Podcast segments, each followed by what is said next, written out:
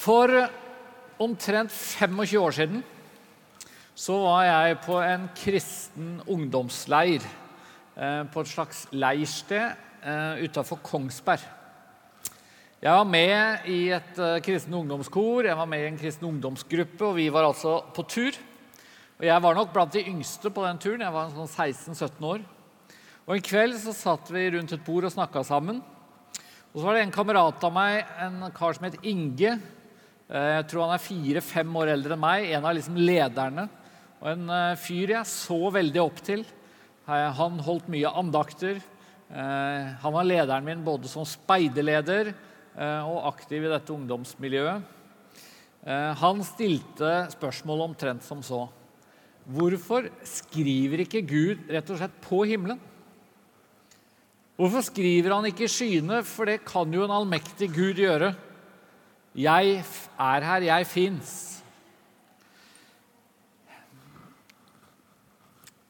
Hva kan grunnen være til at Gud ikke mer tydelig fjerner tvil og usikkerhet? Hvis Gud er god, hvis Gud vil ha med deg og meg å gjøre, og det er jo budskapet på denne konferansen. Gud er god, Gud ønsker et fellesskap med oss.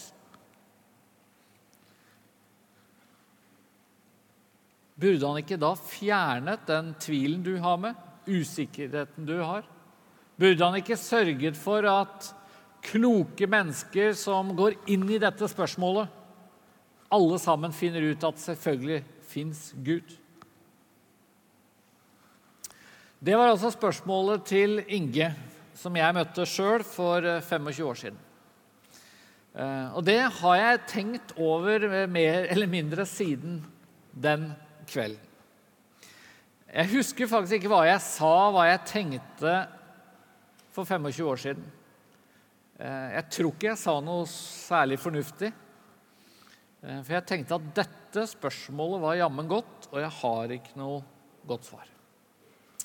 Eh, Og så har jeg jobba sånn, mer eller mindre med dette temaet i mange år. Og for noen år siden så eh, begynte jeg å skrive om temaet.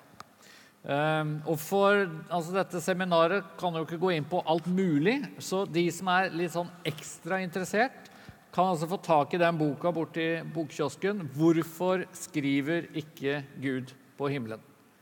Det er da en tittel som jeg har rappet ifra Inge. Men jeg snakket med han eh, et, etter at vi ikke hadde møtt hverandre på 15 år. Så ringte jeg han eh, og bare sjekket at det var greit.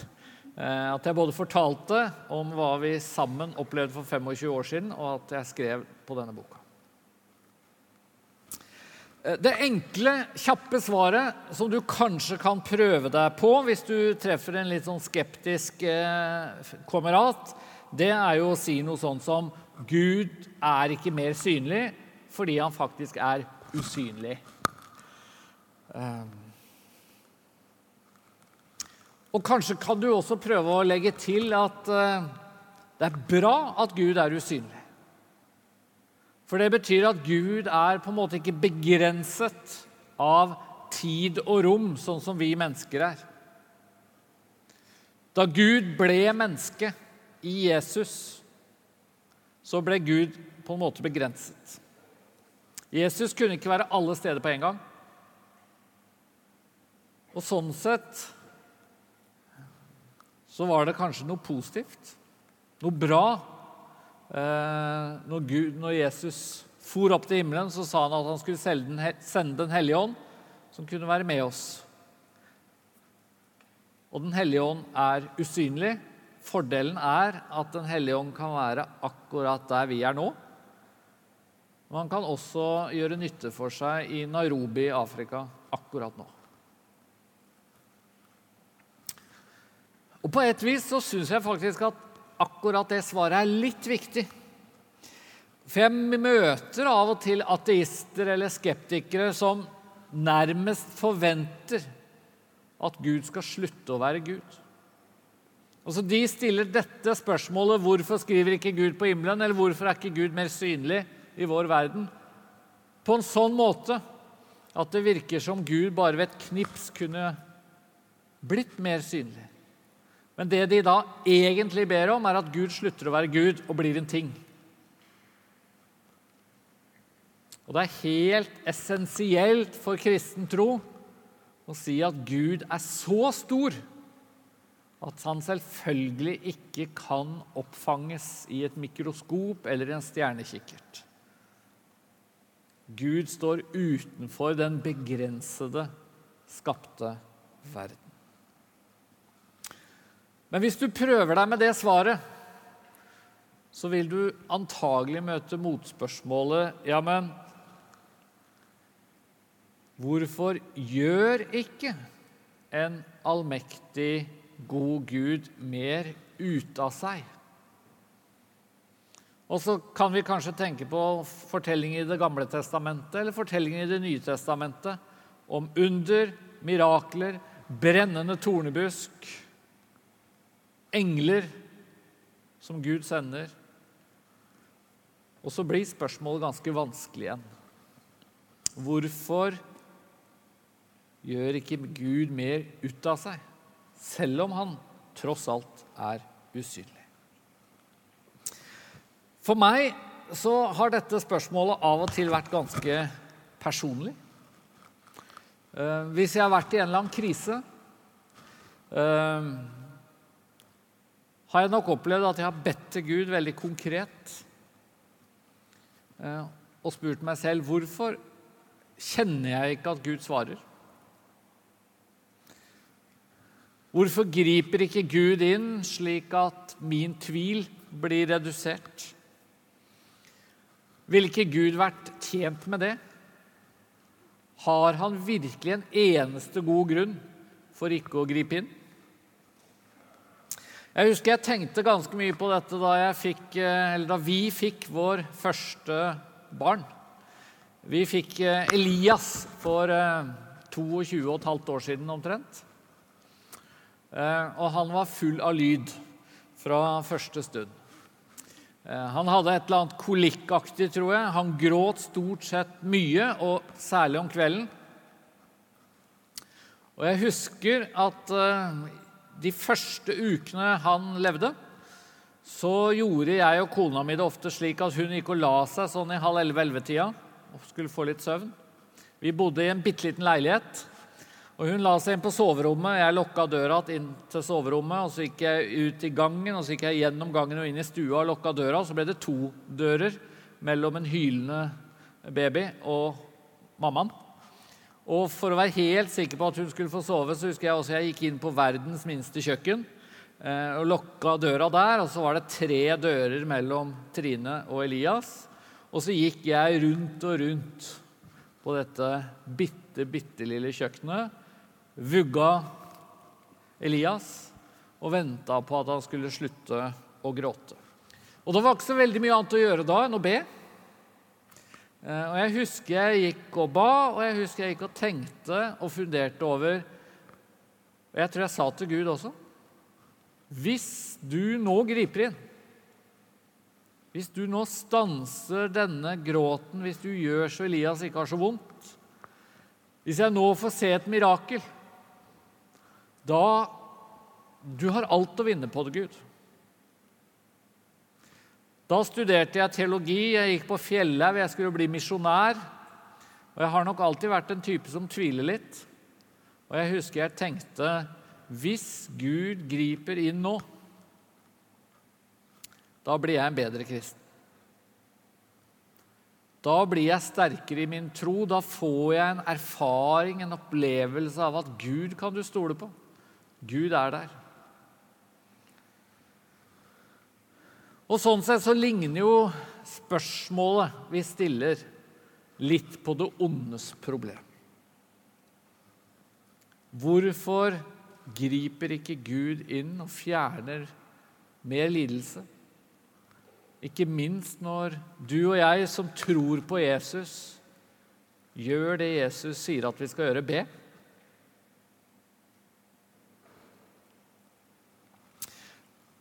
For mange år siden leste jeg en veldig god og interessant bok om det ondes problem. Hvorfor Gud, hvorfor sover du? het den boka. skrevet av en dansk teolog og forkynner, Leif Andersen. Gud, hvorfor sover du? Og Det er altså et sitat fra Det gamle testamentet, et sitat fra salmene. Gud, hvorfor sover du? skriver altså en troende person for 3000 år siden. Og så ser vi at spørsmålene også ligner. Gud, hvorfor sover du? Gud, hvorfor skriver du ikke på himmelen? Og jeg tenker at Dette er spørsmål som fortjener at vi snakker om det, tenker om det. Og det er mennesker som har opplevd dette som mer grunnleggende vanskelig enn jeg har. Jeg har møtt noen mennesker opp gjennom livet som sier at 'jeg har bedt til Gud i årevis', og jeg klarer ikke engang å tro på han lenger. Han har hatt muligheten til å vise meg at han er der, og han har ikke benytta sjansen. Og jeg tenker Vi må jo ha et eller annet å si til det. Men så kan selvfølgelig også dette spørsmålet stilles litt mer filosofisk og intellektuelt. Eh, og det gjør jo både kristne og ikke-kristne.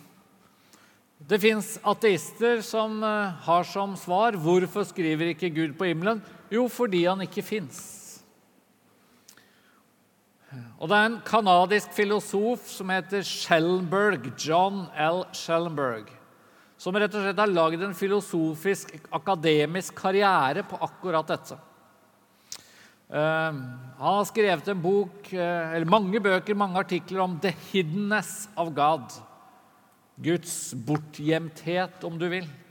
Hvor rett og slett argumentet hans er, omtrent som Inge formulerte det for 25 år siden, så dette er ikke veldig avansert filosofi. En god Gud, en allmektig Gud, som vil ha med oss å gjøre, han hadde sørget for at ingen mennesker hadde gode grunner for å tvile på at han var der. Og Schellenberg skriver ok, Gud hadde sikkert sørget for at hvis folk ikke vil ha noe med Gud å gjøre, så kan de få lov å slippe. Men han hadde sørget for at mennesker som vil ha med Gud å gjøre, som ber til Gud, hadde fått et svar. Hadde opplevd at Gud er der. Og så er det jo kristne da, som prøver å gi Schellenberg et svar. Jeg har eh, studert filosofi noen år og leverer en masteroppgave eh, på universitetet i filosofi om akkurat dette spørsmålet om eh, tre uker. Og En del av jobben min, eller en del av det jeg har gjort, er å ha lest utallige svar da, fra kristne filosofer og andre filosofer. Kritikk av Schellenberg. Det er ikke alt det jeg syns er eh, like interessant eller like bra. Men det jeg legger merke til, er at for mange kristne så blir jo dette en slags gåte. Det er mange som er sikre på, eller ganske sikre på, at det, det fins en Gud. Og da må han jo ha eller annet, en eller annen grunn da, for å ikke skrive på himmelen. Han må ha en eller annen grunn for å ikke gripe så konkret inn i vår verden at vi må tro. Og så funderer de, og så tenker de Mon tro hva grunnen til dette er. Noen av dere tenker kanskje, omtrent som disse kristne filosofene, at Gud fins. Og kanskje noen av dere også tenker at nå overdriver jeg litt. Og ikke minst overdriver Schellenberg. For ingen kan da være i tvil om at Gud er der. Og Kanskje det er noen av dere som også har opplevd et eller annet sterkt i deres eget liv. Kanskje et eller annet mirakel mye større enn det at Gud stopper en liten baby fra å gråte. Kanskje du har opplevd et eller annet som gjør at du er altså ikke i tvil om at Gud er der. Og I så fall har jeg lyst til å si at det syns jeg er fint. På en veldig kristelig måte så misunner jeg deg nok litt. Eh, for jeg har det ikke akkurat sånn. Eh, jeg kan kjenne på en tvil av og til sterk på om Gud er der i det hele tatt. Men noen har opplevd sterke ting.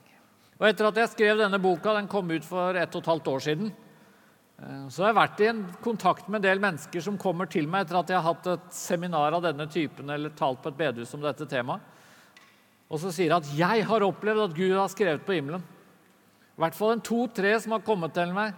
En person fortalte om en sterk opplevelse av tvil, usikkerhet, en krise i livet, og rett og slett så Jesus i skyene og var ikke i tvil om at Gud sendte et helt spesifikt budskap om at 'jeg er der'. For omtrent et år siden så møtte jeg en gammel mann på 75 år. Kanskje han var enda eldre. Som fortalte at da han var 17 år, så opplevde han en fantastisk helbredelse og Han var ikke et sekund i tvil om at Gud grep inn. Det fantes ingen naturlig forklaring. Og det hadde han levd på siden. Og Selv om det var over 50 år siden han hadde opplevd dette, når vi snakket sammen, så rant tårene. Og så kunne jeg liksom se at han var fortsatt berørt av at Gud grep inn. og så kan det kanskje være noen her som tenker at jeg har egentlig ikke noen sånn grunner eller argumenter for at Gud fins. Jeg bare kjenner det. Jeg bare merker at det må da være en Gud. Den kjente kristne trosforsvareren, apologeten C.S. Lewis, har sagt at det å være menneske det betyr at vi kjenner at vi er skapt for en annen verden enn denne. Og så bruker han det som en grunn for å tenke at selvsagt er Gud der. Fordi vi kjenner at det er ikke her vi hører til. Kanskje er det sånn. Og så har jeg fått noen brev også i den senere tid av eh, eldre mennesker gjerne, som har skrevet til meg og sagt Du, Ottosen, Gud skriver ikke på himmelen fordi han skriver på menneskers hjerter. Hans måte å snakke til oss på er at han gjennom Den hellige ånd går rett inn i samvittigheten og hjertet vårt. Og Det også tror jeg det er noe sant i.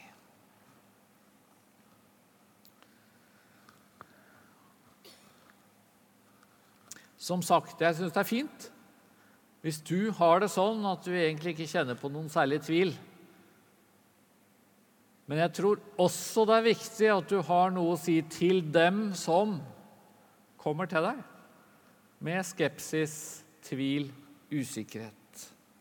Hva sier du til de, og hva skal vi tenke om de som sier at 'jeg hører din historie, den er sterk', men hvorfor gjør ikke Gud noe tilsvarende i mitt liv? Hvorfor sørger han ikke for å fjerne den generelle tvilen og usikkerheten?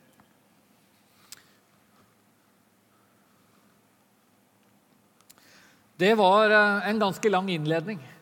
Nå har jeg lyst til å gå videre til, eh, til mulige grunner, rett og slett, som svar på spørsmålet Hva kan grunnen være til at Gud i hvert fall ikke hver eneste dag skriver på himmelen, slik at vi kan se det. I urdu kanskje, kinesisk og engelsk. Da vil han nådd en tre-fire milliarder. Jeg har kjørt noen timer bil i dag, og jeg, heller ikke i dag så, så jeg det liksom I hvert fall ikke på engelsk. Udu kinesisk er jeg dårlig på, men engelsk den hadde jeg tatt. Hvis Gud hadde skrevet 'Jeg fins, slapp av'. Og jeg tror jeg har kommet fram til at det, eh, det viktigste å si som svar, det er egentlig å stille motspørsmålet Ville det virkelig gjort en avgjørende forskjell i vår verden om Gud skrev på himmelen? Og det er jeg rett og slett ikke så sikker på av flere grunner. Og for det første det du og jeg tror på hvis vi er kristne, det kristendom er, handler om Jesus. Det går an å tro på Gud. Det går an å være veldig overbevist om at Gud fins. Det går an å være dypt religiøs uten å være kristen. Så det store spørsmålet er egentlig ikke om mennesker tror på Gud, eller om de er ateister. Det store spørsmålet er tror du på Jesus som din frelser. Og I Bibelen så ser vi jo til og med at Jesus' største fiender, fariseerne, altså de trodde mer på Gud enn de fleste gjør. Men det hjalp jo ingenting. Kanskje snarere tvert imot.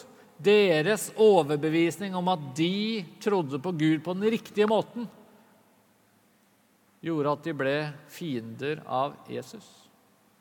Og Det står til og med i Jakobs brev, og vi skal endelig ta med oss et bibelvers. Jakobs brev 2,19. Så står det sånn Du tror at Gud er én. Du gjør vel. Også de onde åndene tror det og skjelver. I én forstand så tror altså onde ånder på Gud. Tenk på det. Og I Vesten i vår tid så tror jeg veldig mange av oss er opptatt av å snakke om tror du på Gud eller tror du ikke på Gud. Og så gjør vi det til det store spørsmålet. Men det er altså ikke det avgjørende spørsmålet for kristen tro.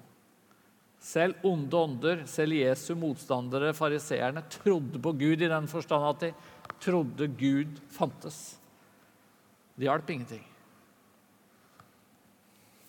Med andre ord, hvis religiøsitet var målet, hvis Gud ønsket å flytte en del folk fra gruppen eh, ateister til gruppen religiøse, da tror jeg faktisk det kunne hatt sin eh, effekt om Gud skrev på himmelen.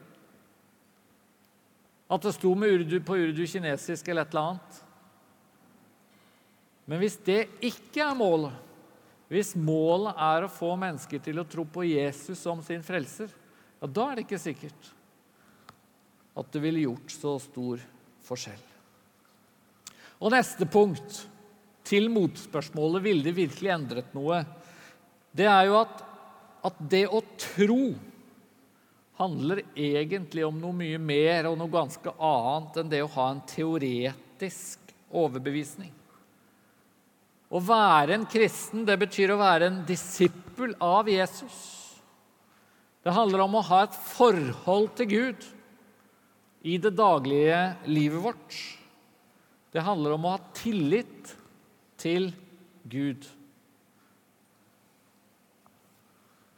Og Det er mange bibeltekster hvor, hvor Jesus også understreker at det å bare ha en sånn teoretisk tanke om at han at Gud er der, det er lite viktig.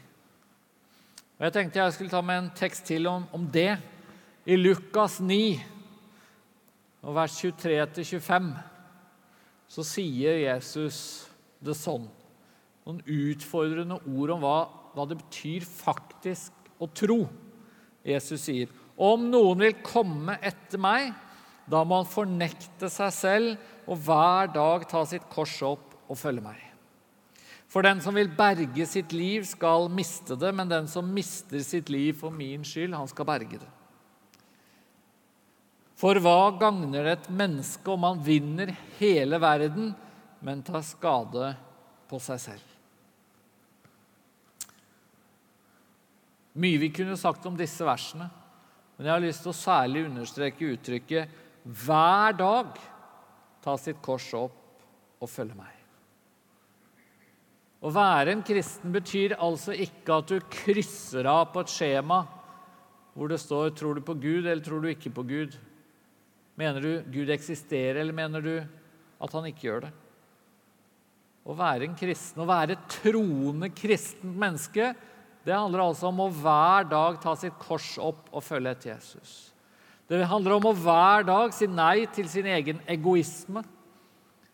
Angre sine synder, for å si det veldig sånn klassisk.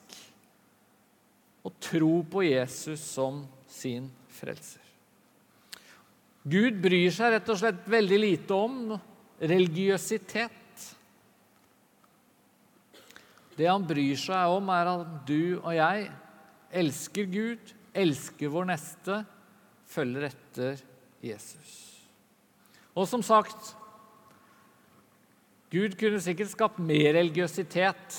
Kanskje ikke i verden som sådan, eh, men i Vesten, hvor det er litt populært å være ateist, så kunne nok Gud skapt mer religiøsitet. Utryddet ateismen, kanskje, ved å skrive på himmelen.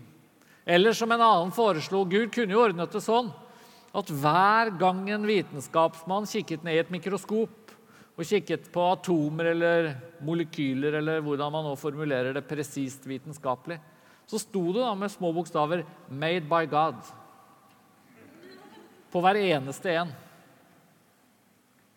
Gud kunne gjort det, ikke sant? Og Hvis Gud virkelig hadde gjort det, så tror jeg nok at det er mange vitenskapsmenn som hadde blitt religiøse, begynt å tro på Gud. Men ville de begynt å følge etter Jesus, ta sitt kors opp hver dag? Jeg tviler. Også fordi at selv om du og jeg vet at Gud fins, så får vi jo ikke uten videre vite hva Gud vil med vårt liv, og hvordan Gud dypest sett er. Og jeg tror det er derfor Gud valgte å sende Jesus. Valgte å bli menneske. Valgte å gi oss en bibel med fire evangelier med fortellinger og forkynnelse om Jesus. Fordi det hjelper så lite for oss å bare vite at det fins en eller annen Gud. Det fins en eller annen skaper. Hvis vi ikke får et møte med Jesus som viser oss Guds ansikt, så blir vi jo ikke kristne, vi blir bare religiøse. Og det å endre menneskers hjerter, det er jo det Gud vil. Han vil endre ditt og mitt hjerte. Det krever nok ganske mye mer enn litt skribling på himmelen. Hvis jeg hadde kjørt nedover hit til Grimstad i dag og sett på engelsk i am here. I'm God. Ville det gjort noe med hjertet mitt? Ville det endra livet mitt? Jeg tror det ville gjort noe antagelig med tankene mine på et eller annet vis. Men at det hadde blitt en mer helhjertet disippel, er slett ikke sikkert. Og så kan vi gå videre og si også at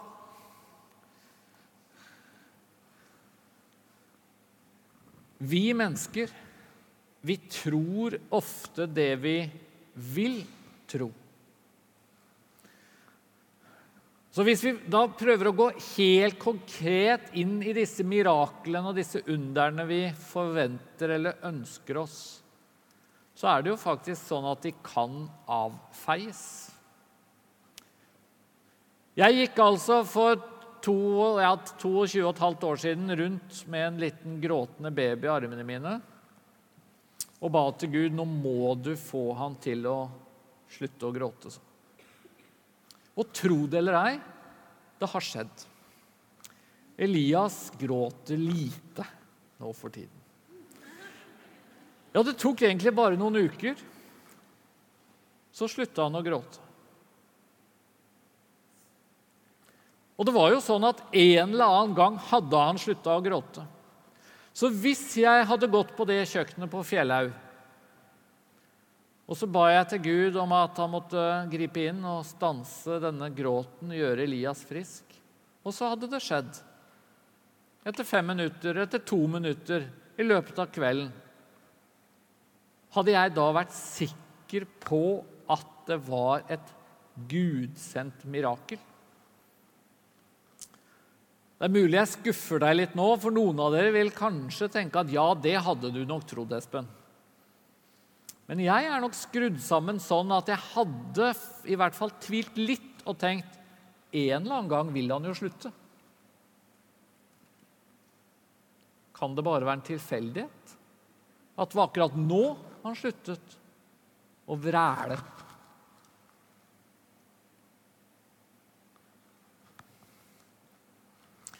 Jeg har møtt mange kristne som har sterke historier om helbredelser, om under, om et eller annet mirakel.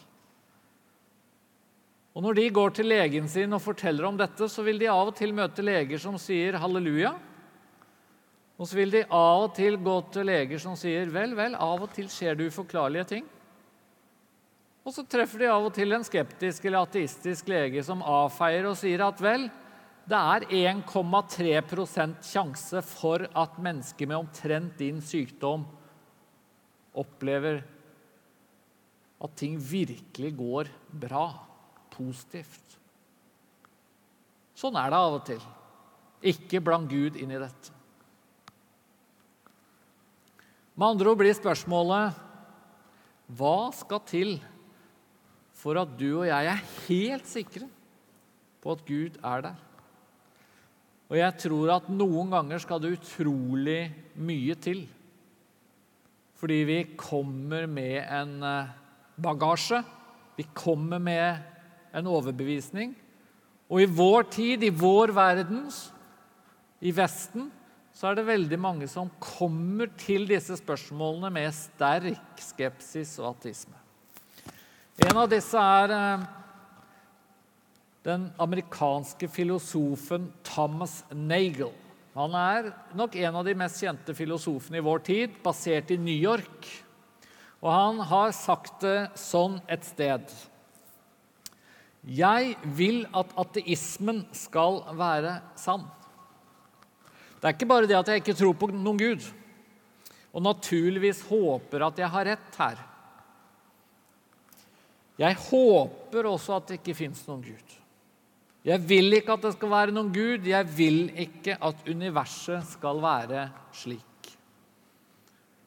Dette er et direkte sitat fra en bok han skrev for noen år siden. Og så kan man jo spørre hvor mye må da til for at Thomas Nagel begynner å tro på Gud? Hvis du ikke vil at Gud er der.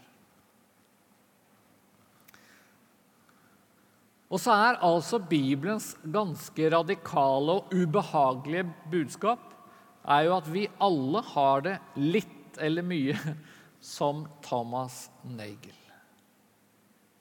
Egentlig så er det i hvert fall noe dypt ned i oss som tenker at jeg har det bedre, jeg har det mest, mer fritt hvis jeg slipper å forholde meg til en Gud som holder meg ansvarlig. I Romerbrevet 3,11 sier Paulus det er ikke én som er forstandig. Det er ikke én som søker Gud.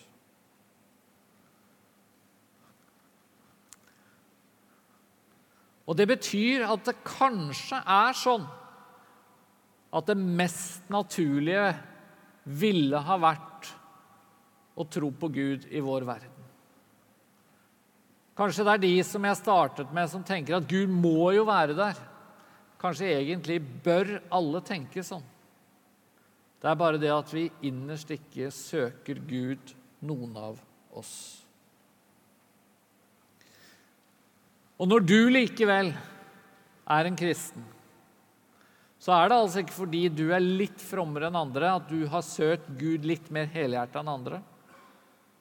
Bibelens budskap er jo at det eneste som kan få et menneske til å søke Gud, det er at Gud møter det mennesket gjennom forkynnelse, gjennom budskapet om Jesus, og så sørger for å skape en tro i det mennesket.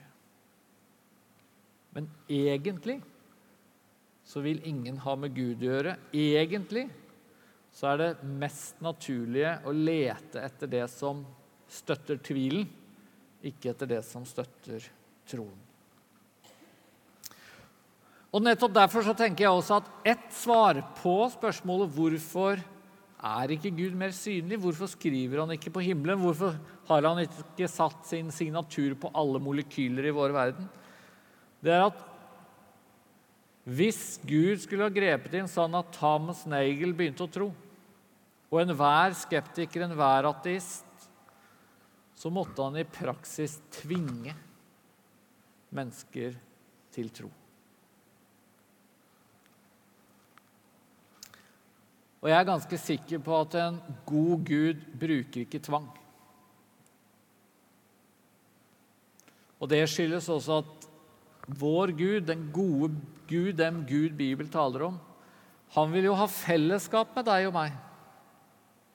Han ønsker at du og jeg skal komme til han med vår tvil, med vår sorg, med våre spørsmål, med våre bønner.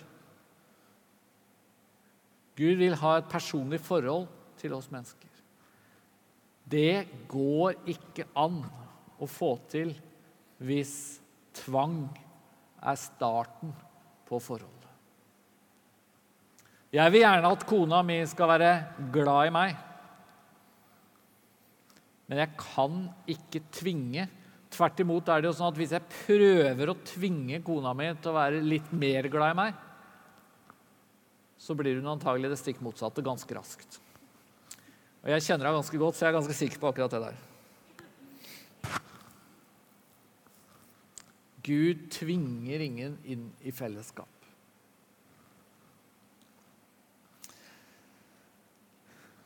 Det var noen svar under overskriften 'Ville det virkelig gjort noen avgjørende forskjell' om Gud skrev på himmelen? Jeg tror altså at det ville ikke gjort noen avgjørende forskjell hvis målet er at vi skal få et forhold til Jesus.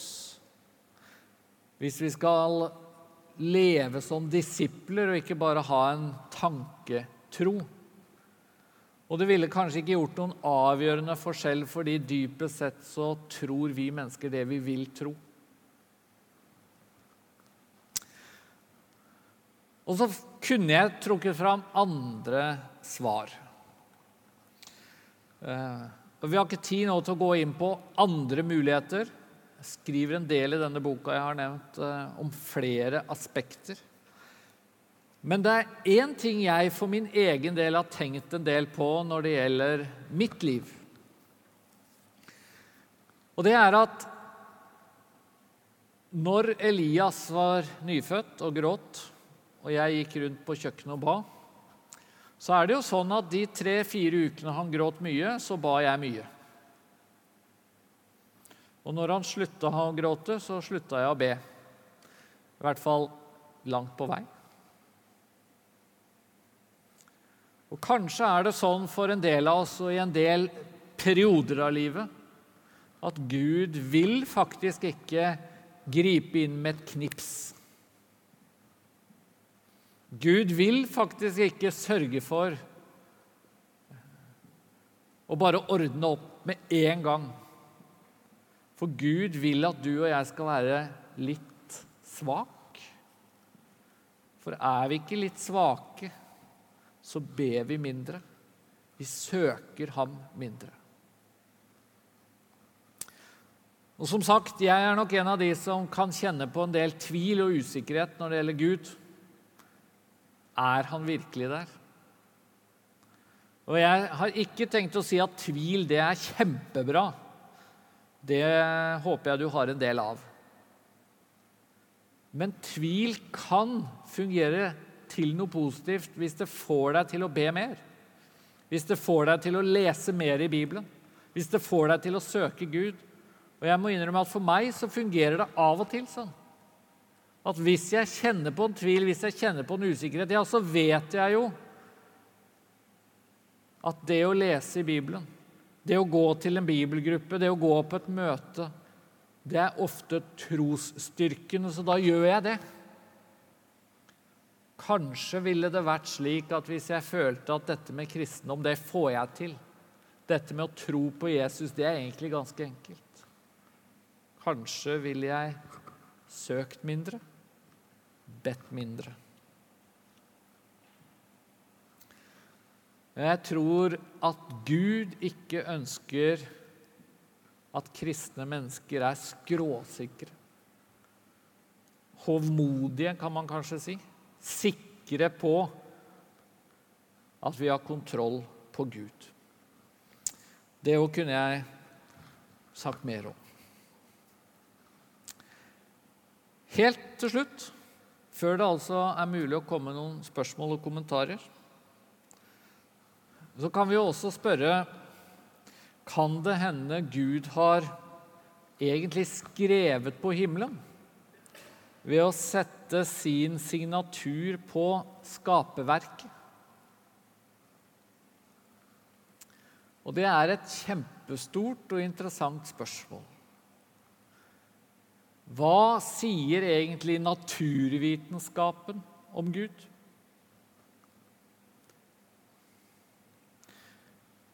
Og der er det jammen mange ulike svar ute og går. Det skriver jeg også ganske mye om i denne boka. Det å skrive om naturvitenskap og tro, da blir det fort en del man bør innom. Big Bang, eh, evolusjonslære, gener Det er mye å ta tak i.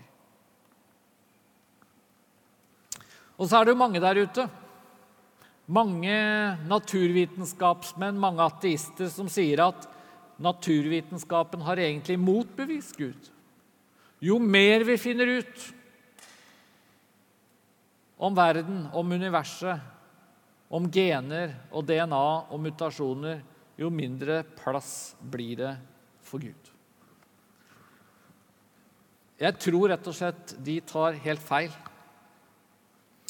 Eh, jeg tror det er sånn at naturvitenskapen ikke bare kan kombineres med gudstro. Men jeg tror også det finnes elementer ifra eh, naturvitenskapen som peker imot at det må være en skaper. Og Som sagt så har jeg studert filosofi noen år, og jeg har en lærer som faktisk ganske nylig var her i Grimstad og holdt et foredrag eh, om akkurat dette. Om gudsargumenter eller gudsbevis. Eh, og han fortalte meg det eh, ganske nylig. Eh, at han hadde holdt et foredrag her, og han trodde at han holdt et foredrag eh, for en gjeng kristne. Så han hadde egentlig vektlagt de gode argumentene for at Gud fins. Og syntes han fikk god respons, og at foredraget gikk bra. Og sånn. Og så når han kom hjem igjen og fikk en e-post med takk, så viste det seg at han hadde holdt et foredrag for Human-Etisk Forbund. Eh, men det var en parentes. Noe annet av det jeg skal, skulle si om han, det er at noe av det han er mest opptatt av, det er altså det som vi kaller for the fine tuning argument. Argumentet om at universet vårt er sånn konstruert at hvis bare noen bitte små justeringer hadde vært gjort og Nå snakker jeg om ting jeg ikke har veldig greie på, men jeg har lest en del om det. Men altså, Det handler om sånn elektromagnetisk stråling, det handler om tyngdekraften og det handler om ja, Det er en forsker som sier at det er over 30 sånne småting med hvordan universet vårt er skrudd sammen. Hvis bare, no, hvis bare dette hadde endra seg bitte, bitte, bitte, bitte litt, så hadde det ikke eksistert et univers med mulighet for liv.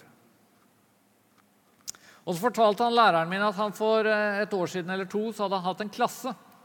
Og Så hadde han fortalt om dette finstillingsargumentet, og så hadde han gitt alle en oppgave. Man skulle regne seg fram til muligheten for at Gud fins gjennom et slags filosofisk sannsynlighetsregnestykke. Og Da skulle du først finne ut hva var muligheten for at Gud fins i det hele tatt. Og så skulle du altså regne på disse mulighetene for at universet var blitt til gjennom en tilfeldighet. At det ikke var noen som hadde bestemt at disse fine-tuningsparameterne skulle være akkurat det de var. Og Så forteller han at altså etter timen så kommer det en kar bort til han og sier han, du vet du hva? Jeg er ateist, jeg er humanetiker. Men nå har jeg funnet ut at når jeg legger inn ting i denne kalkylen, så er det 92% mulighet for at Gud fins.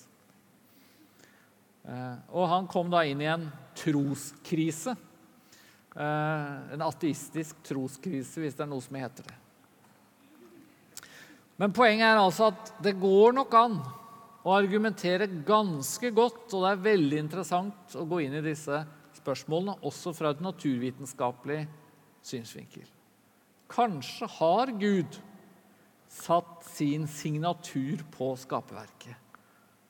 Men det er bare det at uansett hvor mye vi jobber med akkurat det spørsmålet, så får det jo ikke mennesker til å bli en Jesu disippel. Og Derfor tenker jeg ikke at det er det som er det aller mest avgjørende for deg og meg. Men det er viktig i møte med de som sier at naturvitenskapen har motbevist Gud. Da er det jo viktig å finne ut om de har rett eller om de har galt. Takk skal dere ha.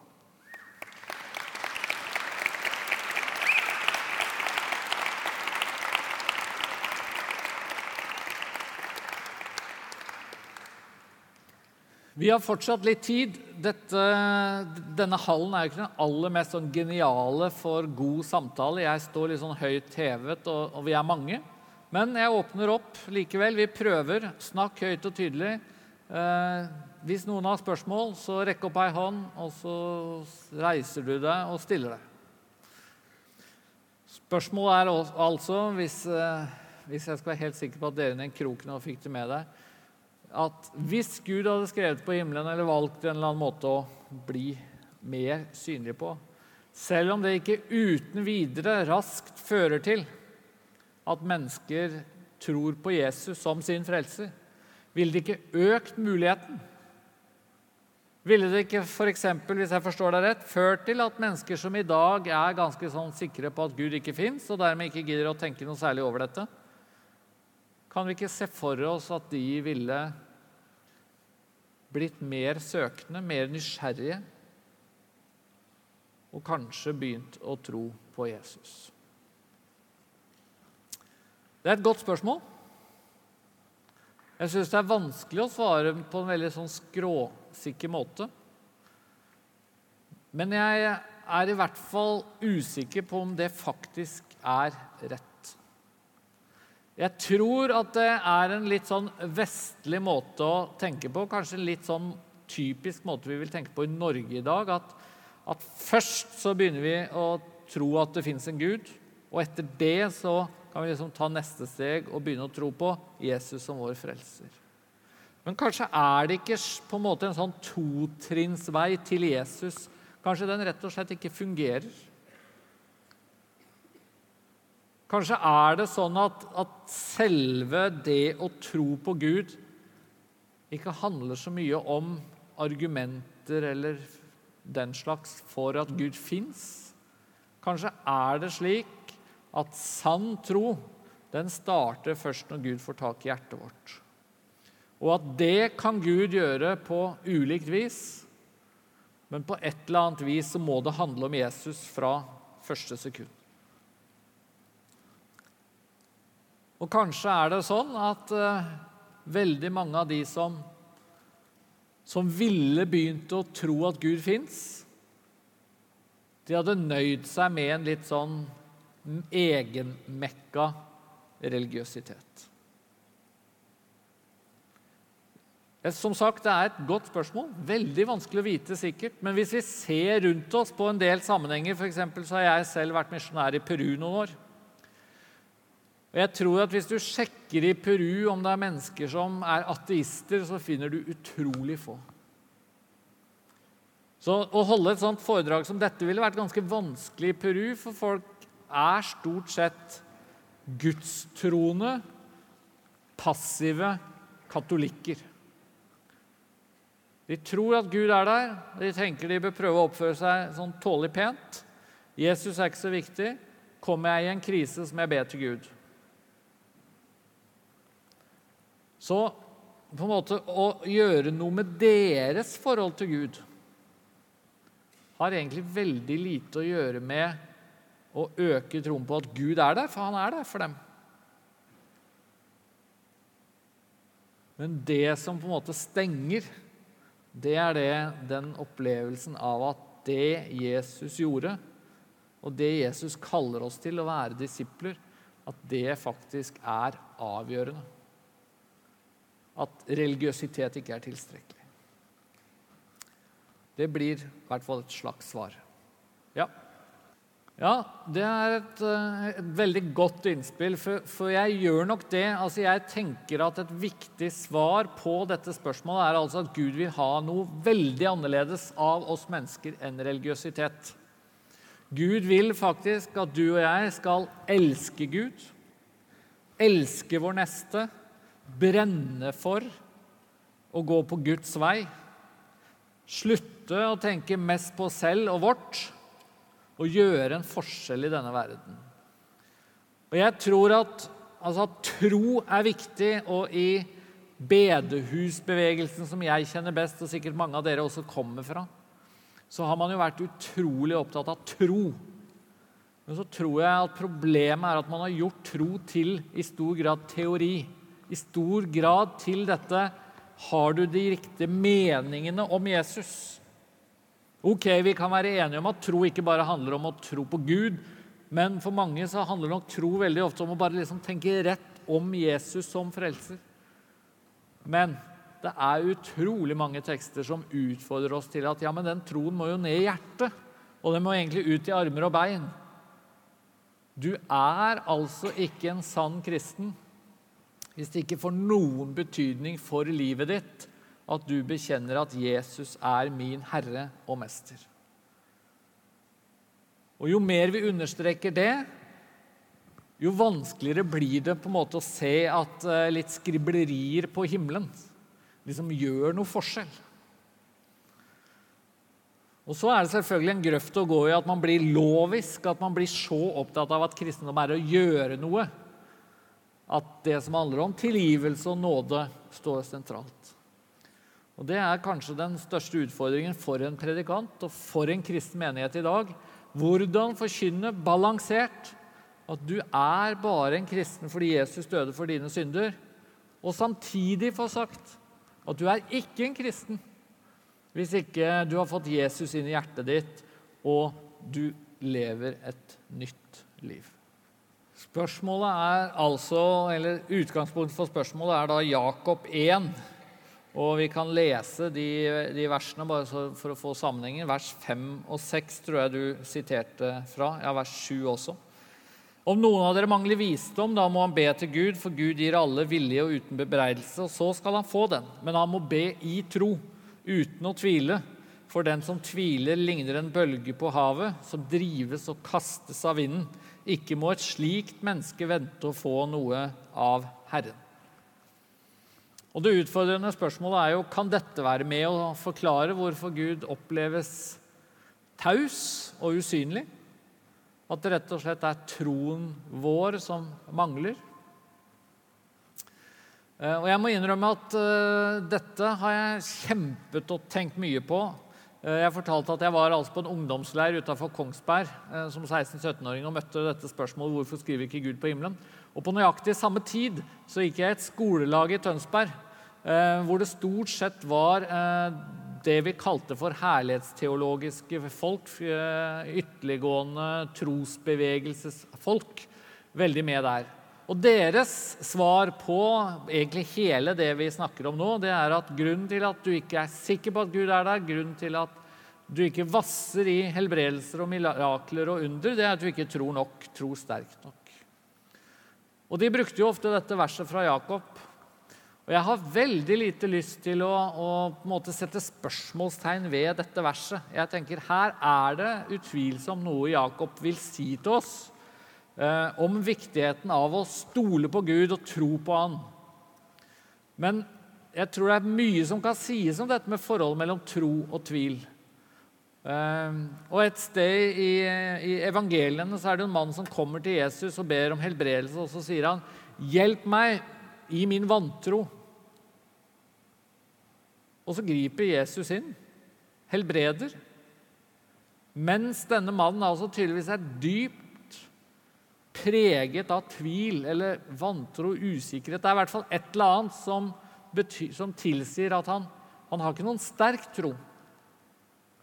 Og så kjenner mange av dere denne teksten i evangeliene også hvor Jesus sier at hvis du bare har tro som et sennepskorn, så kan du si til dette fjellet 'kast deg i havet'. Og Det må jo bety at, at bare bitte litt tro, altså hvis det er en sann tro på Gud, så kan det altså være nok for å oppleve store mirakler og under. Jeg må bare innrømme at jeg får ikke disse tekstene helt til å gå opp. Og jeg tror at grunnen til det er at Gud har ulike ting han vil si til oss i ulike situasjoner. Han vil si til deg som syns tvil og kamp er vanskelig, at kommer du til Jesus, sånn som denne mannen gjorde, han som altså sleit med tvil eller kalte det vantro, så kan Gud likevel gripe inn. Men så vil altså Jakob si til, til mennesker at hvis du har en grunnleggende tvil på Gud, eh, du vingler rundt i livet, du vingler rundt i troen, ja, så får det faktisk konsekvenser, og det kan være vanskeligere for Gud å gi deg det du trenger i en sånn situasjon. Tror det blir et slags svar, men som sagt, her er det mange tekster, og det er antagelig også mange grøfter å gå i. Spørsmålet er altså at jeg nevnte finstillingsargumentet, men kan du nevne ateistiske innvendinger til finstillingsargumentet? Um, ja, altså Utfordringen med å si veldig mye fra scenen fra min side når det gjelder fininnstillingsargumentet, er jo at på denne konferansen så er det jo mange som vet utrolig mye mer om det enn meg. Eh, Bjørn Are Davidsen er vel her, og han kan jo dette på fingerspissene. Eh, og Dessuten så, det, så, har jeg skjønt at det er ganske stor uenighet om altså, Er fininnstillingsargumentet et argument for at jordkloden er godt egnet for liv, eller er det et argument for at universet som helhet er fininnstilt slik at det kan bli én jordklode der det kommer liv? Uh, og jeg har skjønt at Et motargument mot fininnstillingsargumentet det er da de som sier at når det fins milliarder av kloder, så er det da ikke så rart at det er én som tilfeldigvis uh, kan få en atmosfære rundt seg og snurrer sånn passe sakte rundt eller passe raskt rundt og er passe langt fra en stjerne så man ikke blir kokt eller fryser i hjel. Og det, det, tror jeg er et ganske godt motargument, og det er grunnen til at veldig mange vil si at fininnstillingsargumentet det er egentlig Vi bør bruke det ikke som et argument for at det fins en beboelig klode, men et argument for at det i det hele tatt fins et beboelig univers. Ehm, så er jo altså Det jeg synes er mest interessant som motargument til fininnstillingsargumentet, det er at mange har da lansert en teori som heter multiversteorien. Og det er, altså, og det er egentlig et knefall for fininnstillingsargumentet, slik jeg opplever det, for å være litt sånn høy og mørk og tøff. Eh, for multiversteorien er jo dette at hvis det bare er ett univers som dette, som tilfeldigvis er innstilt sånn at, at alt passer for liv, ja, så, er, så ser det jo faktisk ut som det er konstruert av en eller annen. Men kanskje det fins milliarder av universer. Og, og, vi lever selvfølgelig i det som funker. Men det har liksom blitt til Det fins parallelle universer, det fins multiverser. Milliarder av dem. Da er det jo ikke så rart at ett har alle de riktige innstillingene. Og så er jo da motargumentet til multiversteorien er at det er i hvert fall en teori som ikke kan testes på noe vis. Og Som kristen så vil jeg selvfølgelig si at det er da utrolig mye enklere å tro på én Gud som har skapt universet vårt, enn å liksom lansere milliarder av universer vi ikke kan se, teste, måle, bare for, for å liksom være sikker på at det ikke er noen Gud. Og så går nå dagene. Men, men, det er ganske heavy eh, debatt. Vi rekker kanskje et eh, til. Uh, Nei, vi gjør ikke det. Da skal dere få 27 minutters pause til neste seminar. Takk skal dere ha.